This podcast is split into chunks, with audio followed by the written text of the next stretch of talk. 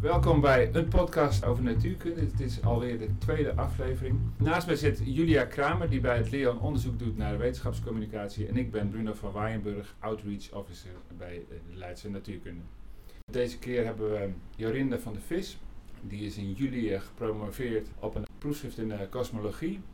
En vandaag gaat ze de For Women in Science Rising Talent Prijs ophalen in Haarlem bij de Hollandse Maatschappij der Wetenschappen. Welkom Jorinde, gefeliciteerd met je prijs. Jij bent gepromoveerd op onderzoek op het snijvlak tussen um, kosmologie en deeltjesfysica. Inderdaad. Het, het gaat over de oerknal, de Big Bang. Dat vind ik een heel vervelend woord. De Big Bang. ja, een beetje een verwarrend woord. Um, Vertel. Zal ik het uitleggen? Ja. ja. Er bestaan eigenlijk twee definities van Big Bang. En alle twee scheppen die denk ik verwarring. De ene ehm, is ontstaan op het moment dat ons beeld van het heelal nog heel erg in ontwikkeling was. En toen was er een bepaalde uh, theorie waar we nu eigenlijk nog steeds in geloven. Namelijk dat het heelal vroeger heel heet en dicht op ingepakt was. En toen is uitgedijd uh, en is afgekoeld. En iemand die die theorie een beetje onzin vond, die noemde dat een Big Bang Theory. Toen op een gegeven moment kwam men erachter dat dat niet het begin van het heelal kon zijn geweest. En toen is er nog een soort fase voorgezet. Dus die eerste definitie van Big Bang gaat al niet meer op. Uh, dat is al niet meer het begin van het heelal. Nu noemen sommige mensen de Big Bang dan maar het begin van het heelal. Maar we zien dat helemaal niet als een explosie. Het was niet alsof er één punt was waar alles vandaan knalde of zo. Zoals wij een knal voor ons zien, dat duurt kort, dat is intens en het uh, is vrij plotseling. Dat ja, nou, het was wel kort en intens, maar je moet het meer zien als er was overal al ruimte en die ruimte werd opeens heel veel groter. Mm -hmm. Maar er was niet, er schoot niet allemaal spul in het rond en er was geen vuur of zoiets. Oh, ja. En bovendien weten we helemaal niet of dat echt het allereerste begin was.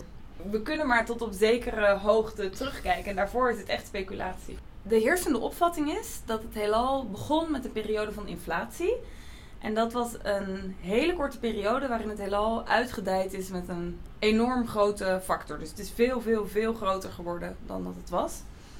Want we weten niet wat die inflatie veroorzaakt heeft. Of dat misschien bijvoorbeeld het Higgs-deeltje was, uh, waar ik in mijn proefschriftonderzoek heb naar, naar heb gedaan.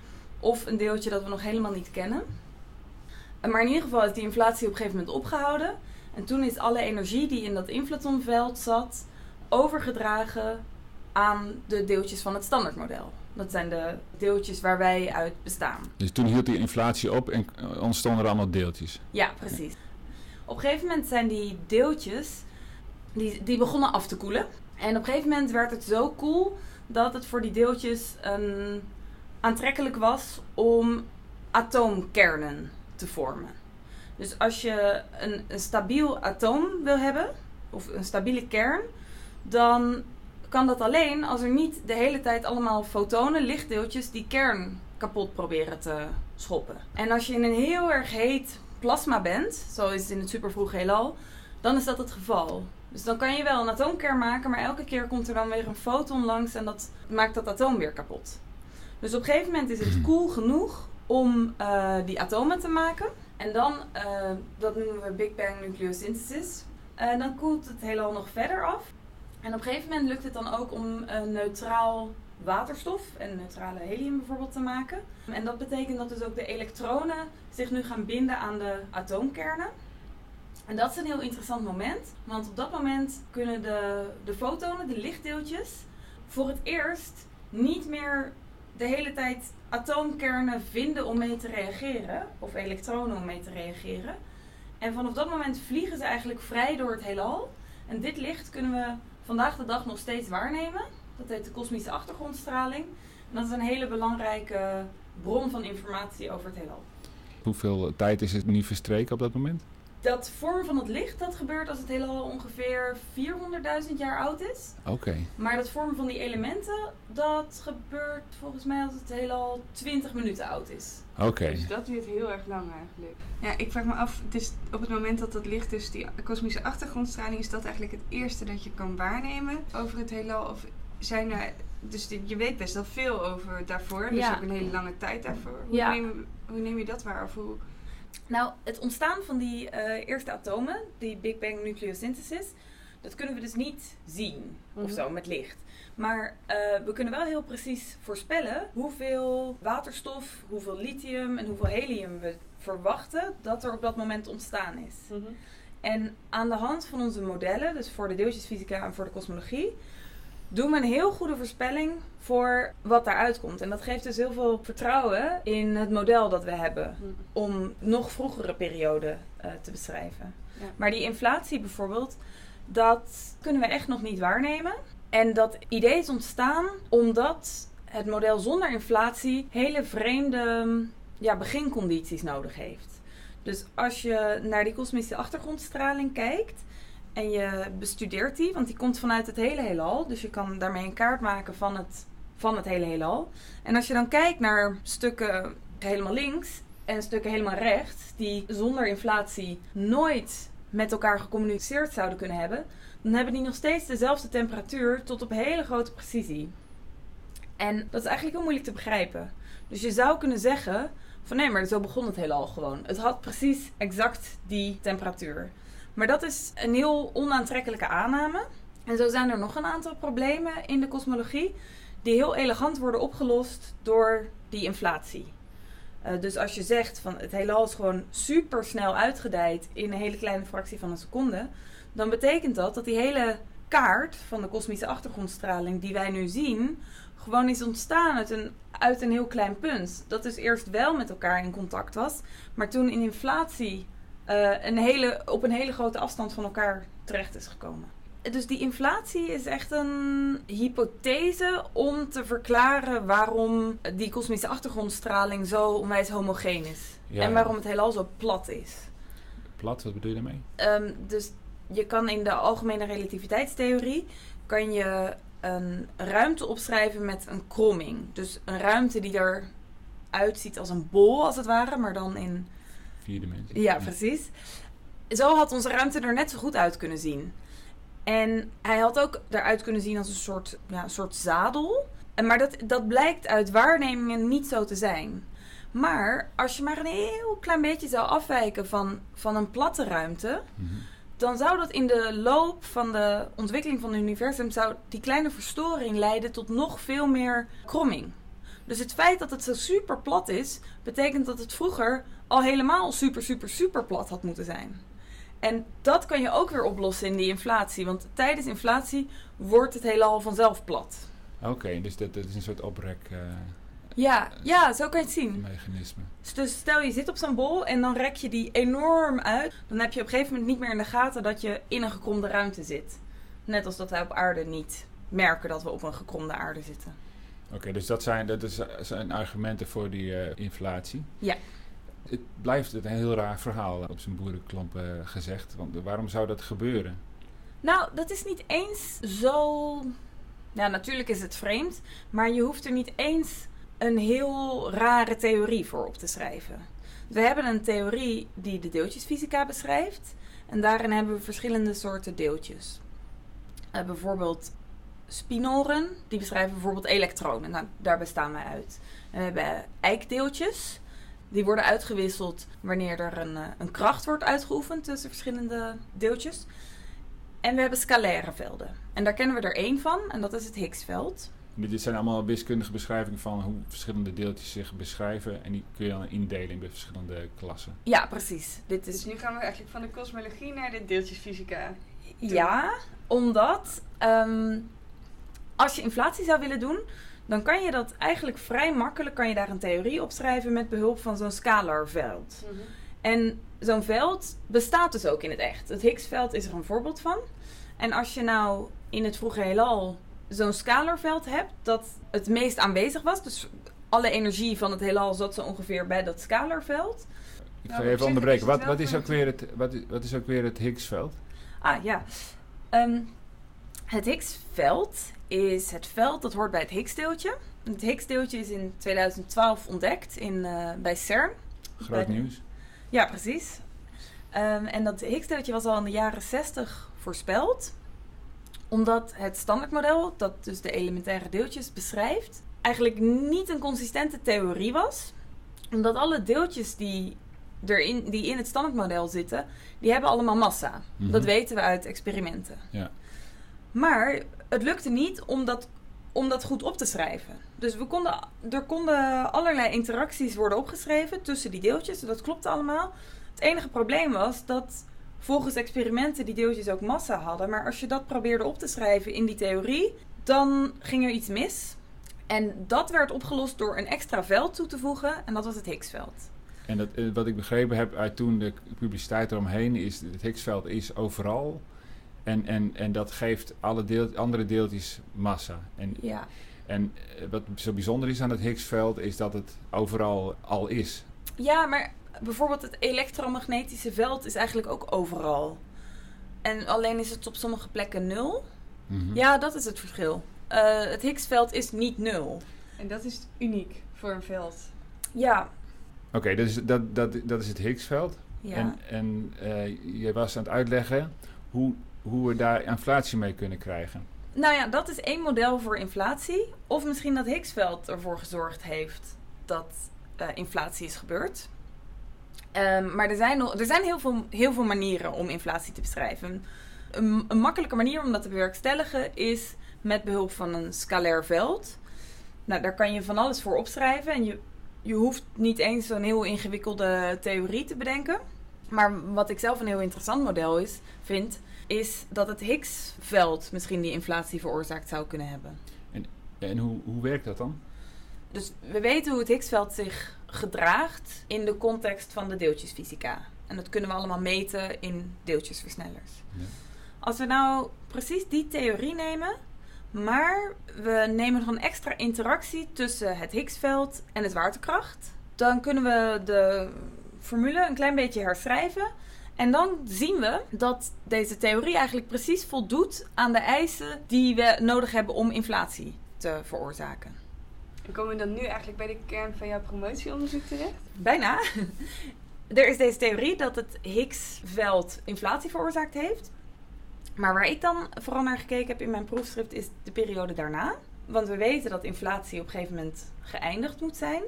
Maar we weten ook dat we in een heelal leven met standaardmodeldeeltjes en niet met inflatiedeeltjes alleen maar. Dus er moet een periode zijn geweest waarin die deeltjes van het standaardmodel zijn gemaakt. En in deze periode, die noemen we reheating, worden de, eigenlijk de begincondities gezet voor dat Big Bang nucleosynthesis. Dus waarin de atoomkernen gevormd worden. Een soort Dus we hebben inflatie, reheating, Big Bang nucleosynthesis. Inderdaad. Oké, Ja. en jij kijkt naar het moment van de reheating. Ja, ja, Ja. ja. En dat is eh, wat dus leuk is aan die Higgs-inflatie, is dat eh, dat Higgsveld een bekend veld is voor ons. Dus we Mhm. weten ook hoe dat eh, wisselwerkt met andere deeltjes van het standaardmodel. Dus we kunnen vrij goed uitrekenen hoeveel deeltjes van het standaardmodel we dan verwachten en welke we verwachten dat er gemaakt zullen worden. En uiteindelijk maken die deeltjes dan weer ook elkaar. En dat is anders dan in andere modellen waar je eigenlijk maar iets moet aannemen. Want we weten veel van het Higgs, zeg je. Dat is dus allemaal sinds 2012 gemeten in CERN. Of, eh, Ja, daarvoor was de Higgs wel, was het niet een compleet onbekende. Er waren bijvoorbeeld wel ideeën dat als het Higgsdeeltje zou bestaan, dat de massa van het Higgsdeeltje tussen een bepaalde, Ja. tussen twee waardes moest liggen. Maar ja, je weet natuurlijk niet helemaal zeker of je het bij het rechte eind hebt totdat je het echt gezien hebt. ja, maar dus heel veel van die kennis is opgebouwd in de laatste jaren in CERN eh, over de Higgs. Ja, Ja. ja. en er zijn ook, er zijn heel, eh, er zijn echt nieuwe dingen aan het, eh, aan het licht gekomen. Oké, dus je werkt echt met de verse data. Ja, ja. Dus jullie hebben eigenlijk, als je kijkt naar het, waar het vakgebied uit opgebouwd is, heb je theorie, waarneming en dus ook experimenten die bijdragen aan eh, Ja. de bevestigingen. Ja, ja, het is een beetje verschillend tussen eh, kosmologie en deeltjesfysica. Want in de, kosmolo- in de deeltjesfysica kan je experimenten doen. Dus je bouwt bijvoorbeeld een versneller, dan bot je die deeltjes heel hard op elkaar en dan krijg je gegevens over je deeltjes eruit. Ja. Maar in de kosmologie kan je dat niet doen. Het enige wat je kan doen is kijken. Wachten wat er komt. Ja, ja. Ehm, dus ja, dat noemen we dan meestal waarnemingen en de experimenten. En De de, verbinding daarvan is theorie. Ehm, nou, soms. Ehm, in mijn optiek zou je als theoreet wel je best moeten doen om iets te beschrijven wat eh, overeenkomt met die experimenten. Maar er zijn ook mensen die houden zich met veel fundamentelere, nog veel fundamentelere vragen bezig. Kijk, natuurlijk willen die de werkelijkheid beschrijven, maar die zitten niet elke dag te kijken wat de, wat de nieuwe data zijn. Ja. En jij wel? Nou, oh, niet elke dag, maar het is wel, het is wel iets waar je, ja, waar je rekening mee moet houden. En eh, het is soms ook hele goede input. En als theoreten zijn we ook heel benieuwd wat er gebeurt in de deeltjesversneller. En als daar opeens een nieuw deeltje tevoorschijn komt, nou dan, dan zijn wij net zo blij. Oké, je hebt gekeken van stel nou dat het Higgsveld dat, dat inflatie veroorzaakt en hoe loopt het dan af in, het, in, de, in de overgang naar die, uh, dat die elementen gemaakt worden. Um, ik zie nog steeds niet helemaal voor me hoe dat dan gaat. Nou, eigenlijk ook op dezelfde manier zoals dat in een deeltjesversneller gebeurt. Dus wat je daar doet in CERN nu in Zwitserland, daar nemen ze bundels van protonen.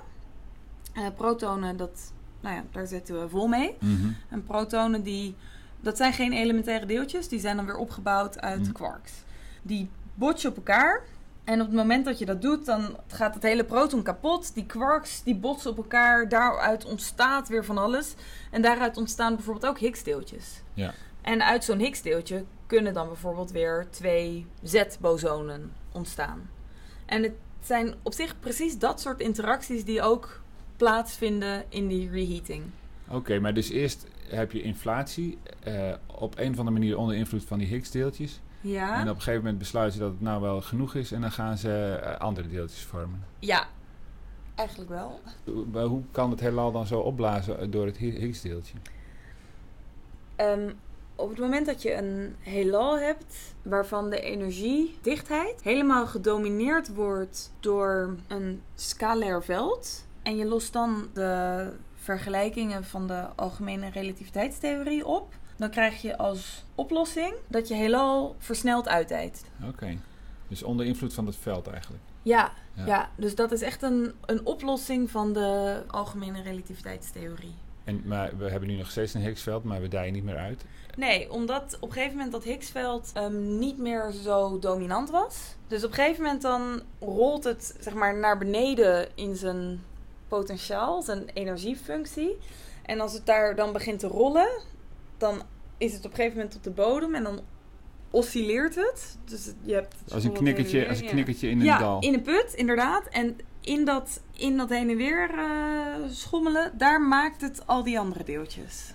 Oké. Okay. Zijn energie af eigenlijk. Is dat een soort, kan je dat zien als wrijving? Dus als je met je skateboard door een baan uh, gaat, dat je dan nou, de energie daardoor afgeeft? Ja, op zich wel. Want dus dat Higgsveld, dat verliest natuurlijk zijn energie als die, als die andere deeltjes maakt. Mhm. Mm -hmm. Maar je hebt, daarbovenop heb je ook nog andere vormen van wrijving. Goed, jij hebt hier uh, helemaal ingedoken. Wat, wat heb jij uh, hieraan gedaan? Nou, wij hebben een meer complete studie gedaan dan dat hiervoor was. Dus hiervoor was Higgs-inflatie, werd bestudeerd alsof er één Higgsveld is. En dan kan je uitrekenen hoeveel deeltjes je produceert. Maar eigenlijk bestaat het Higgsveld uit vier verschillende velden. En tijdens inflatie maakt dat niet zoveel uit. Want dan is eigenlijk maar één van die vier velden actief. Maar tijdens reheating, dus die periode na inflatie, is dat wel heel belangrijk. Dat het eigenlijk bestaat uit vier velden. Want dat betekent dat die andere drie velden, die dus tijdens inflatie en ook nu nul zijn, dat je die heel makkelijk kan maken. En die velden, die zijn dan weer um, verbonden met andere velden uit het standaardmodel. En de conclusie van ons was eigenlijk dat je dus veel makkelijker die velden, de eikvelden, de W-bosonen en de Z-bosonen, dat je die veel makkelijker kan maken dan dat men voorheen dacht. Dus het is een puntje voor die theorie eigenlijk. Ja, nou, ja. Ah, aan de andere kant, het was anders ook wel gelukt. Dus het is niet zo dat je anders in een heelal was blijven zitten met alleen maar uh, een Higgsveld. Maar dan zou het veel langer hebben geduurd. Ja, maar je bent dus aan het uitwerken hoe dat dan in detail uh, um, zou kunnen gegaan zijn. Ja, en hoe, hoe snel. En nu zijn we bezig om deze berekening te doen uh, in een iets simpeler model. Dus dat is dan niet helemaal Higgs-inflatie. Op een, uh, op een rooster heet dat. En dat is eigenlijk nog een veel nauwkeuriger uh, berekening. Want je zegt nu zijn we bezig. Uh, je bent in juli gepromoveerd. Ja, de, maar dat project was al eerder begonnen. dit project is toevallig met eh, mensen in de Verenigde Staten en nog iemand eh, op het NICEF, waar ik dan eerst gezeten heb. Maar ik ben nu ook een aantal projecten begonnen in mijn nieuwe onderzoeksgroep. En één van die projecten, eh, dat is wel leuk, dat gaat over zwaartekrachtsgolven. Want je vroeg me net van, oké, we kunnen dus eigenlijk alleen maar dat licht zien dat Mhm. ontstaan is toen het heelal al 400.000 jaar oud was. En daarvoor kunnen we eigenlijk niks zien. Maar er is de grote hoop dat we met behulp van zwaartekrachtsgolven zelfs nog daar voorbij zouden moeten kunnen zien of horen. Dus dat je toch met observationele data meer kan zeggen over het ontstaan van het hele. Ja, ja. En een aantal jaar geleden zijn voor het eerst botsende zwarte gaten ontdekt met behulp van zwaartekrachtsgolven. Met LIGO en Vir- Die weten we allemaal Ja. Chirp. Precies. Ja. Precies. Ook groot nieuws. Heel groot nieuws. Nou, dat is op zich niet zo'n heel oud evenement. Dat botsen van die twee zwarte, zwarte gaten. Dat eh, is denk ik ergens in de afgelopen paar miljard jaar gebeurd. Terwijl, Echt eh, nog maar kort geleden. precies, terwijl dat super vroeg heelal, dan gaat het echt over 13,6 miljard jaar. Dus daar willen we heen. En om zwaartekrachtgolven te gebruiken om dat te bestuderen heb je een ander soort detector nodig. En nu is de zogenaamde LISA-detector in ontwikkeling. Dat is een zwaartekrachtgolvendetector die in de ruimte moet gaan werken. Dus dan, dat worden dan drie verschillende ehm, satellieten op een afstand van 5 miljoen kilometer van elkaar, geloof ik. En die moeten dan die oer, oer eh, zwaartekrachtgolven gaan oppikken. Ja, die zouden eventueel zwaartekrachtsgolven kunnen meten. Die zijn ontstaan op het moment dat het Higgsveld massa begon te geven aan de andere deeltjes. Dus dat is precies jouw, eh, jouw eh, hoekje. Ja, precies. Ik las wel dat eh, de verdere studies die, jij, die je aanraden was om te kijken naar roosterpunten, toch? Als ik het goed begrijp. eh, Ja, dat gaat om die reheating. Mijn proefschrift splitst zich echt in twee onderwerpen. ja. Het ene is die reheating. En daarvan zeg ik inderdaad, ja, hiervoor moet je echt naar een rooster. En daar kijk je dus nog steeds naar in samenwerking ook? Ja, Want ja. een rooster is een manier om dingen te berekenen in, in, in deze eh, Ja. m- eh, wiskunde. Eh, ja, dus het probleem is met de reheating dat we, we maken altijd een bepaalde versimpeling. Waarin je zegt, nou die deeltjes die we produceren, dat is niet zo heel veel. En dan kan je dat allemaal prima uitrekenen. Maar in de situatie waarin je er juist heel veel maakt, eh, en dus misschien dat hele Higgsveld opraakt, doordat je zoveel van die andere deeltjes maakt, dan kloppen die vergelijkingen niet meer. En als je dat wel wil doen, dan moet je op zo'n rooster. Dat is eigenlijk eh, een manier om eh, de, de- ingewikkeldheid eh, op een andere manier aan te, een andere manier aan te Ja, pakken. ja, ja, ja. En dan kan je dus niet meer je vergelijkingen zien. Dan moet het rooster dat maar voor je oplossen. Dus dat is niet zo. En is dat een, zwaar, een zware computerberekening? Of? Ja, Ja, ja. en, maar wat we gedaan hebben is. We zijn begonnen met die vereenvoudigde vergelijkingen. Want die moeten in het begin van de, van de deeltjesproductie precies hetzelfde antwoord geven als dat rooster. Dus we hebben getest of dat helemaal klopt. En dan weten we dat het rooster goed doet wat het moet doen. En dan laten we dat rooster verder gaan. En dan zien we dus hoe die reheating verder verloopt. En dan lopen ze met elkaar uit te pas omdat het voor je eenvoudigere model te ingewikkeld wordt. Ja. En, en daar ben je nu mee bezig? Of? ja, daar hebben we onlangs een eh, kort artikel over gepubliceerd. En we zijn nu met een, eh, met een nog groter artikel bezig. En wa- wa- waarin is dat gepubliceerd? Dat is gepubliceerd in eh, Physical Review Letters. Oké, dus jij, jij gaat hier nog voorlopig eh, wel in verder. Ja, de hoop is dat we hiermee bijvoorbeeld Higgs reheating zouden kunnen simuleren. Omdat dat een heel interessant model is. Het is de enige kandidaat voor inflatie die we echt kennen al. Want je kan allerlei modellen voor inflatie verzinnen. Maar wat mij betreft is Higgs-inflatie wel een zeer goed gemotiveerde De rest is allemaal luchtfietserij. nou, dat wil ik helemaal niet zo zeggen. Want er zijn zeker heel goed. Er zijn ook echt goed gemotiveerde andere modellen, maar die hebben minder een basis in de, in de waarneming. De Nobelprijs van de Natuurkunde is dit jaar gegaan naar Jim Peebles, een kosmoloog. Ja. Ehm, en ik begreep uit de berichtgeving dat, dat hij eh, iemand is die heel veel heeft gedaan aan het, aan het testbaar en het meetbaar maken van al die kosmologische modellen. Ja, hij heeft die Nobelprijs gekregen niet voor één specifieke ontdekking, maar echt voor al zijn bijdragen aan de kosmologie. En het is voor mij haast moeilijk in te schatten wat hij allemaal gedaan heeft, omdat de kosmologie zoals ik die nu ken en altijd heb gekend, ja, een heel kwantitatief gebeuren is. Dus je kan die kosmische achtergrondstraling meten en dan daar, kan, Element- elementen. Ja. daar komen allerlei eh, getallen uit en dan kan ik mijn model daarmee testen. Maar toen Peebles begon met zijn onderzoek, was dat nog helemaal niet zo. Het was echt, ja, hij zei dat zelf ook, het was nog heel speculatief. Ze tasten echt letterlijk in het duister. Ja, en het was meer een soort idee van, ja, hoe zou, de, hoe zou het universum zich moeten hebben ontwikkeld? Dus bijvoorbeeld die ehm, Big Bang Theory, dus of het heelal heet was en toen is afgekoeld, of juist dat het een steady state was, dat, dat was nog niet eens helemaal zeker. En hij heeft er dus echt toe bijgedragen dat de kosmologie van zo'n soort speculatieve wetenschap naar echt een precisiewetenschap is ontwikkeld. En, en jij bent daar eigenlijk in, in eh, opgegroeid. Eh, Ja, dus ik weet haast niet beter. en eh, hoe, hoe, hoe kwam jij hier zo bij? Ah. Ehm, ik vond ehm, algemene relativiteitstheorie, deeltjesfysica heel erg interessant tijdens mijn studie.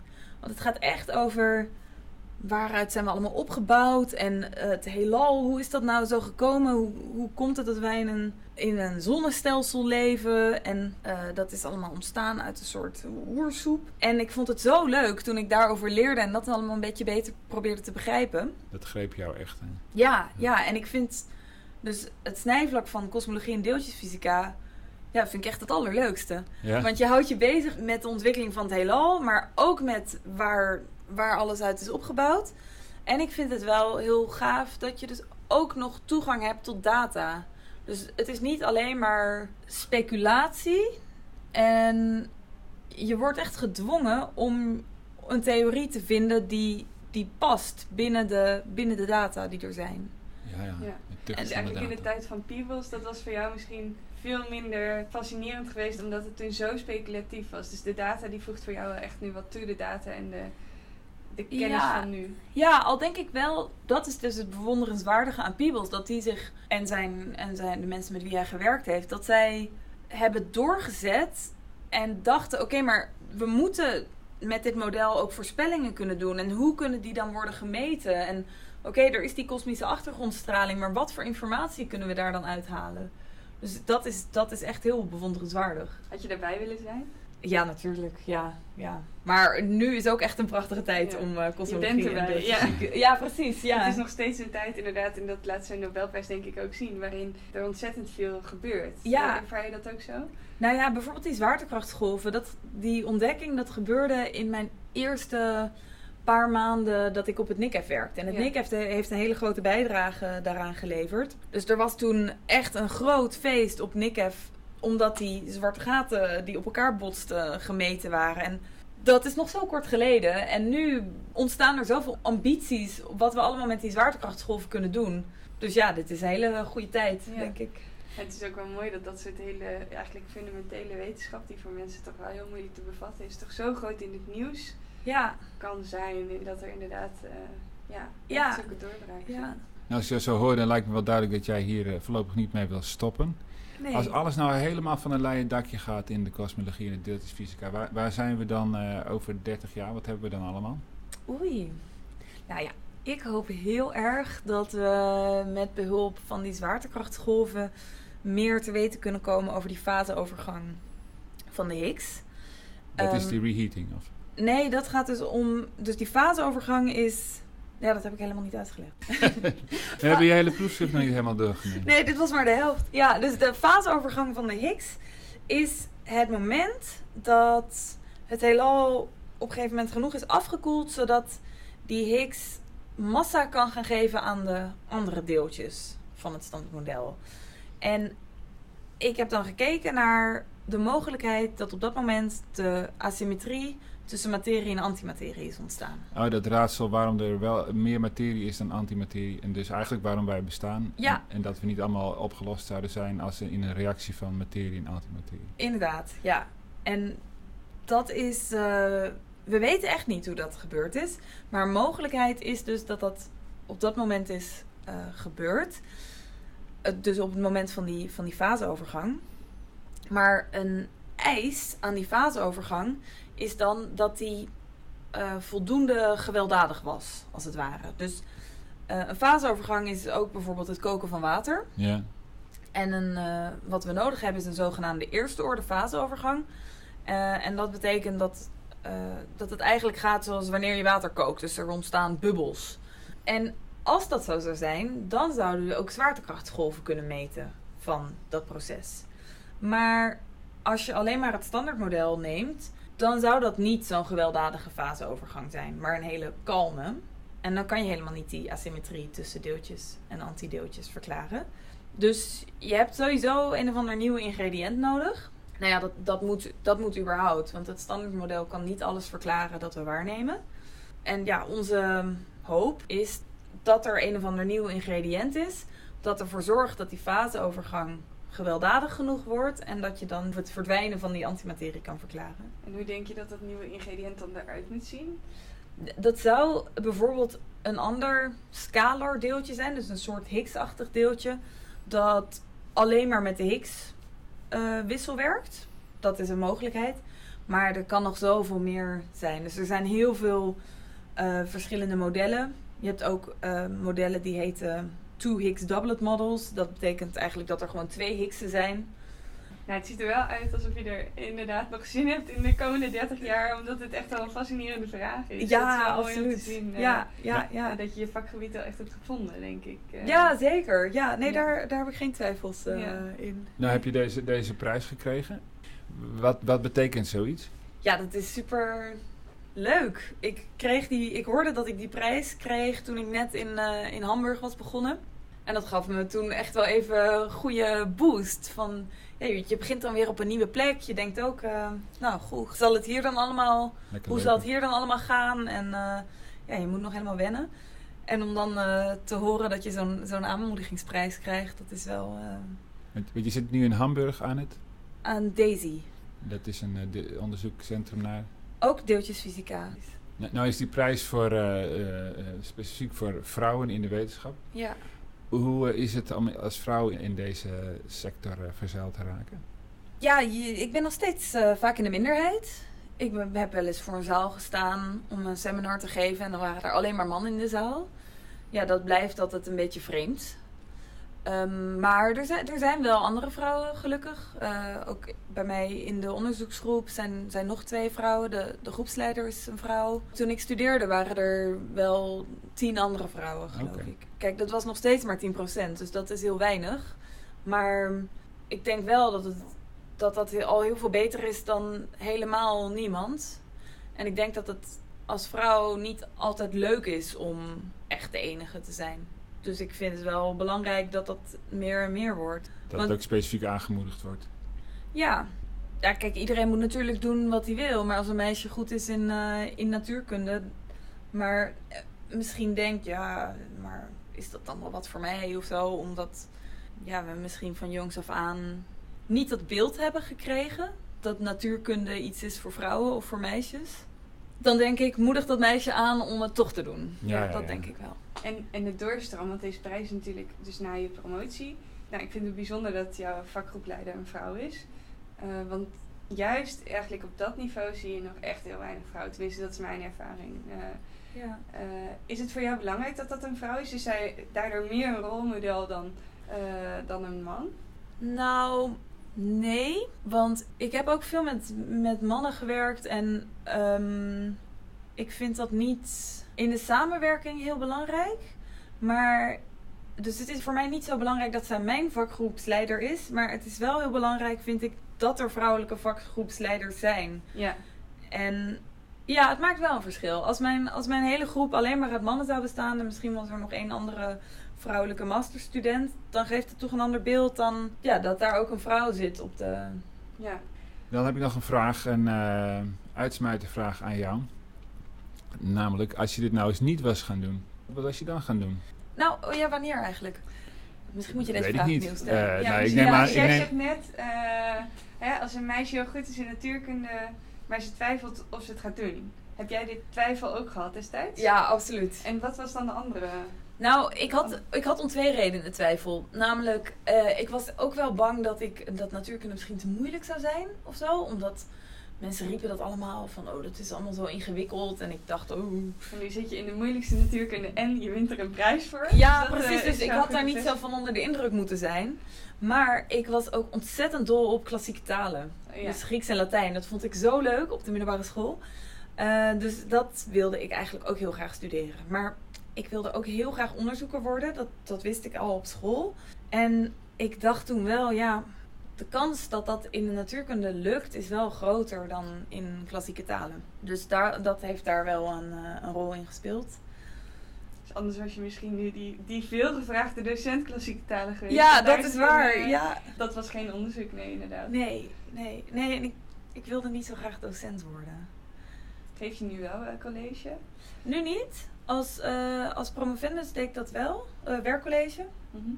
En ja, misschien dat ik in de komende jaren wel dat eh, weer ga doen. Maar als, nu als postdoc focus ik echt heel erg op onderzoek doen. Ja, Dus ik doe haast niks anders dan, eh, dan dat.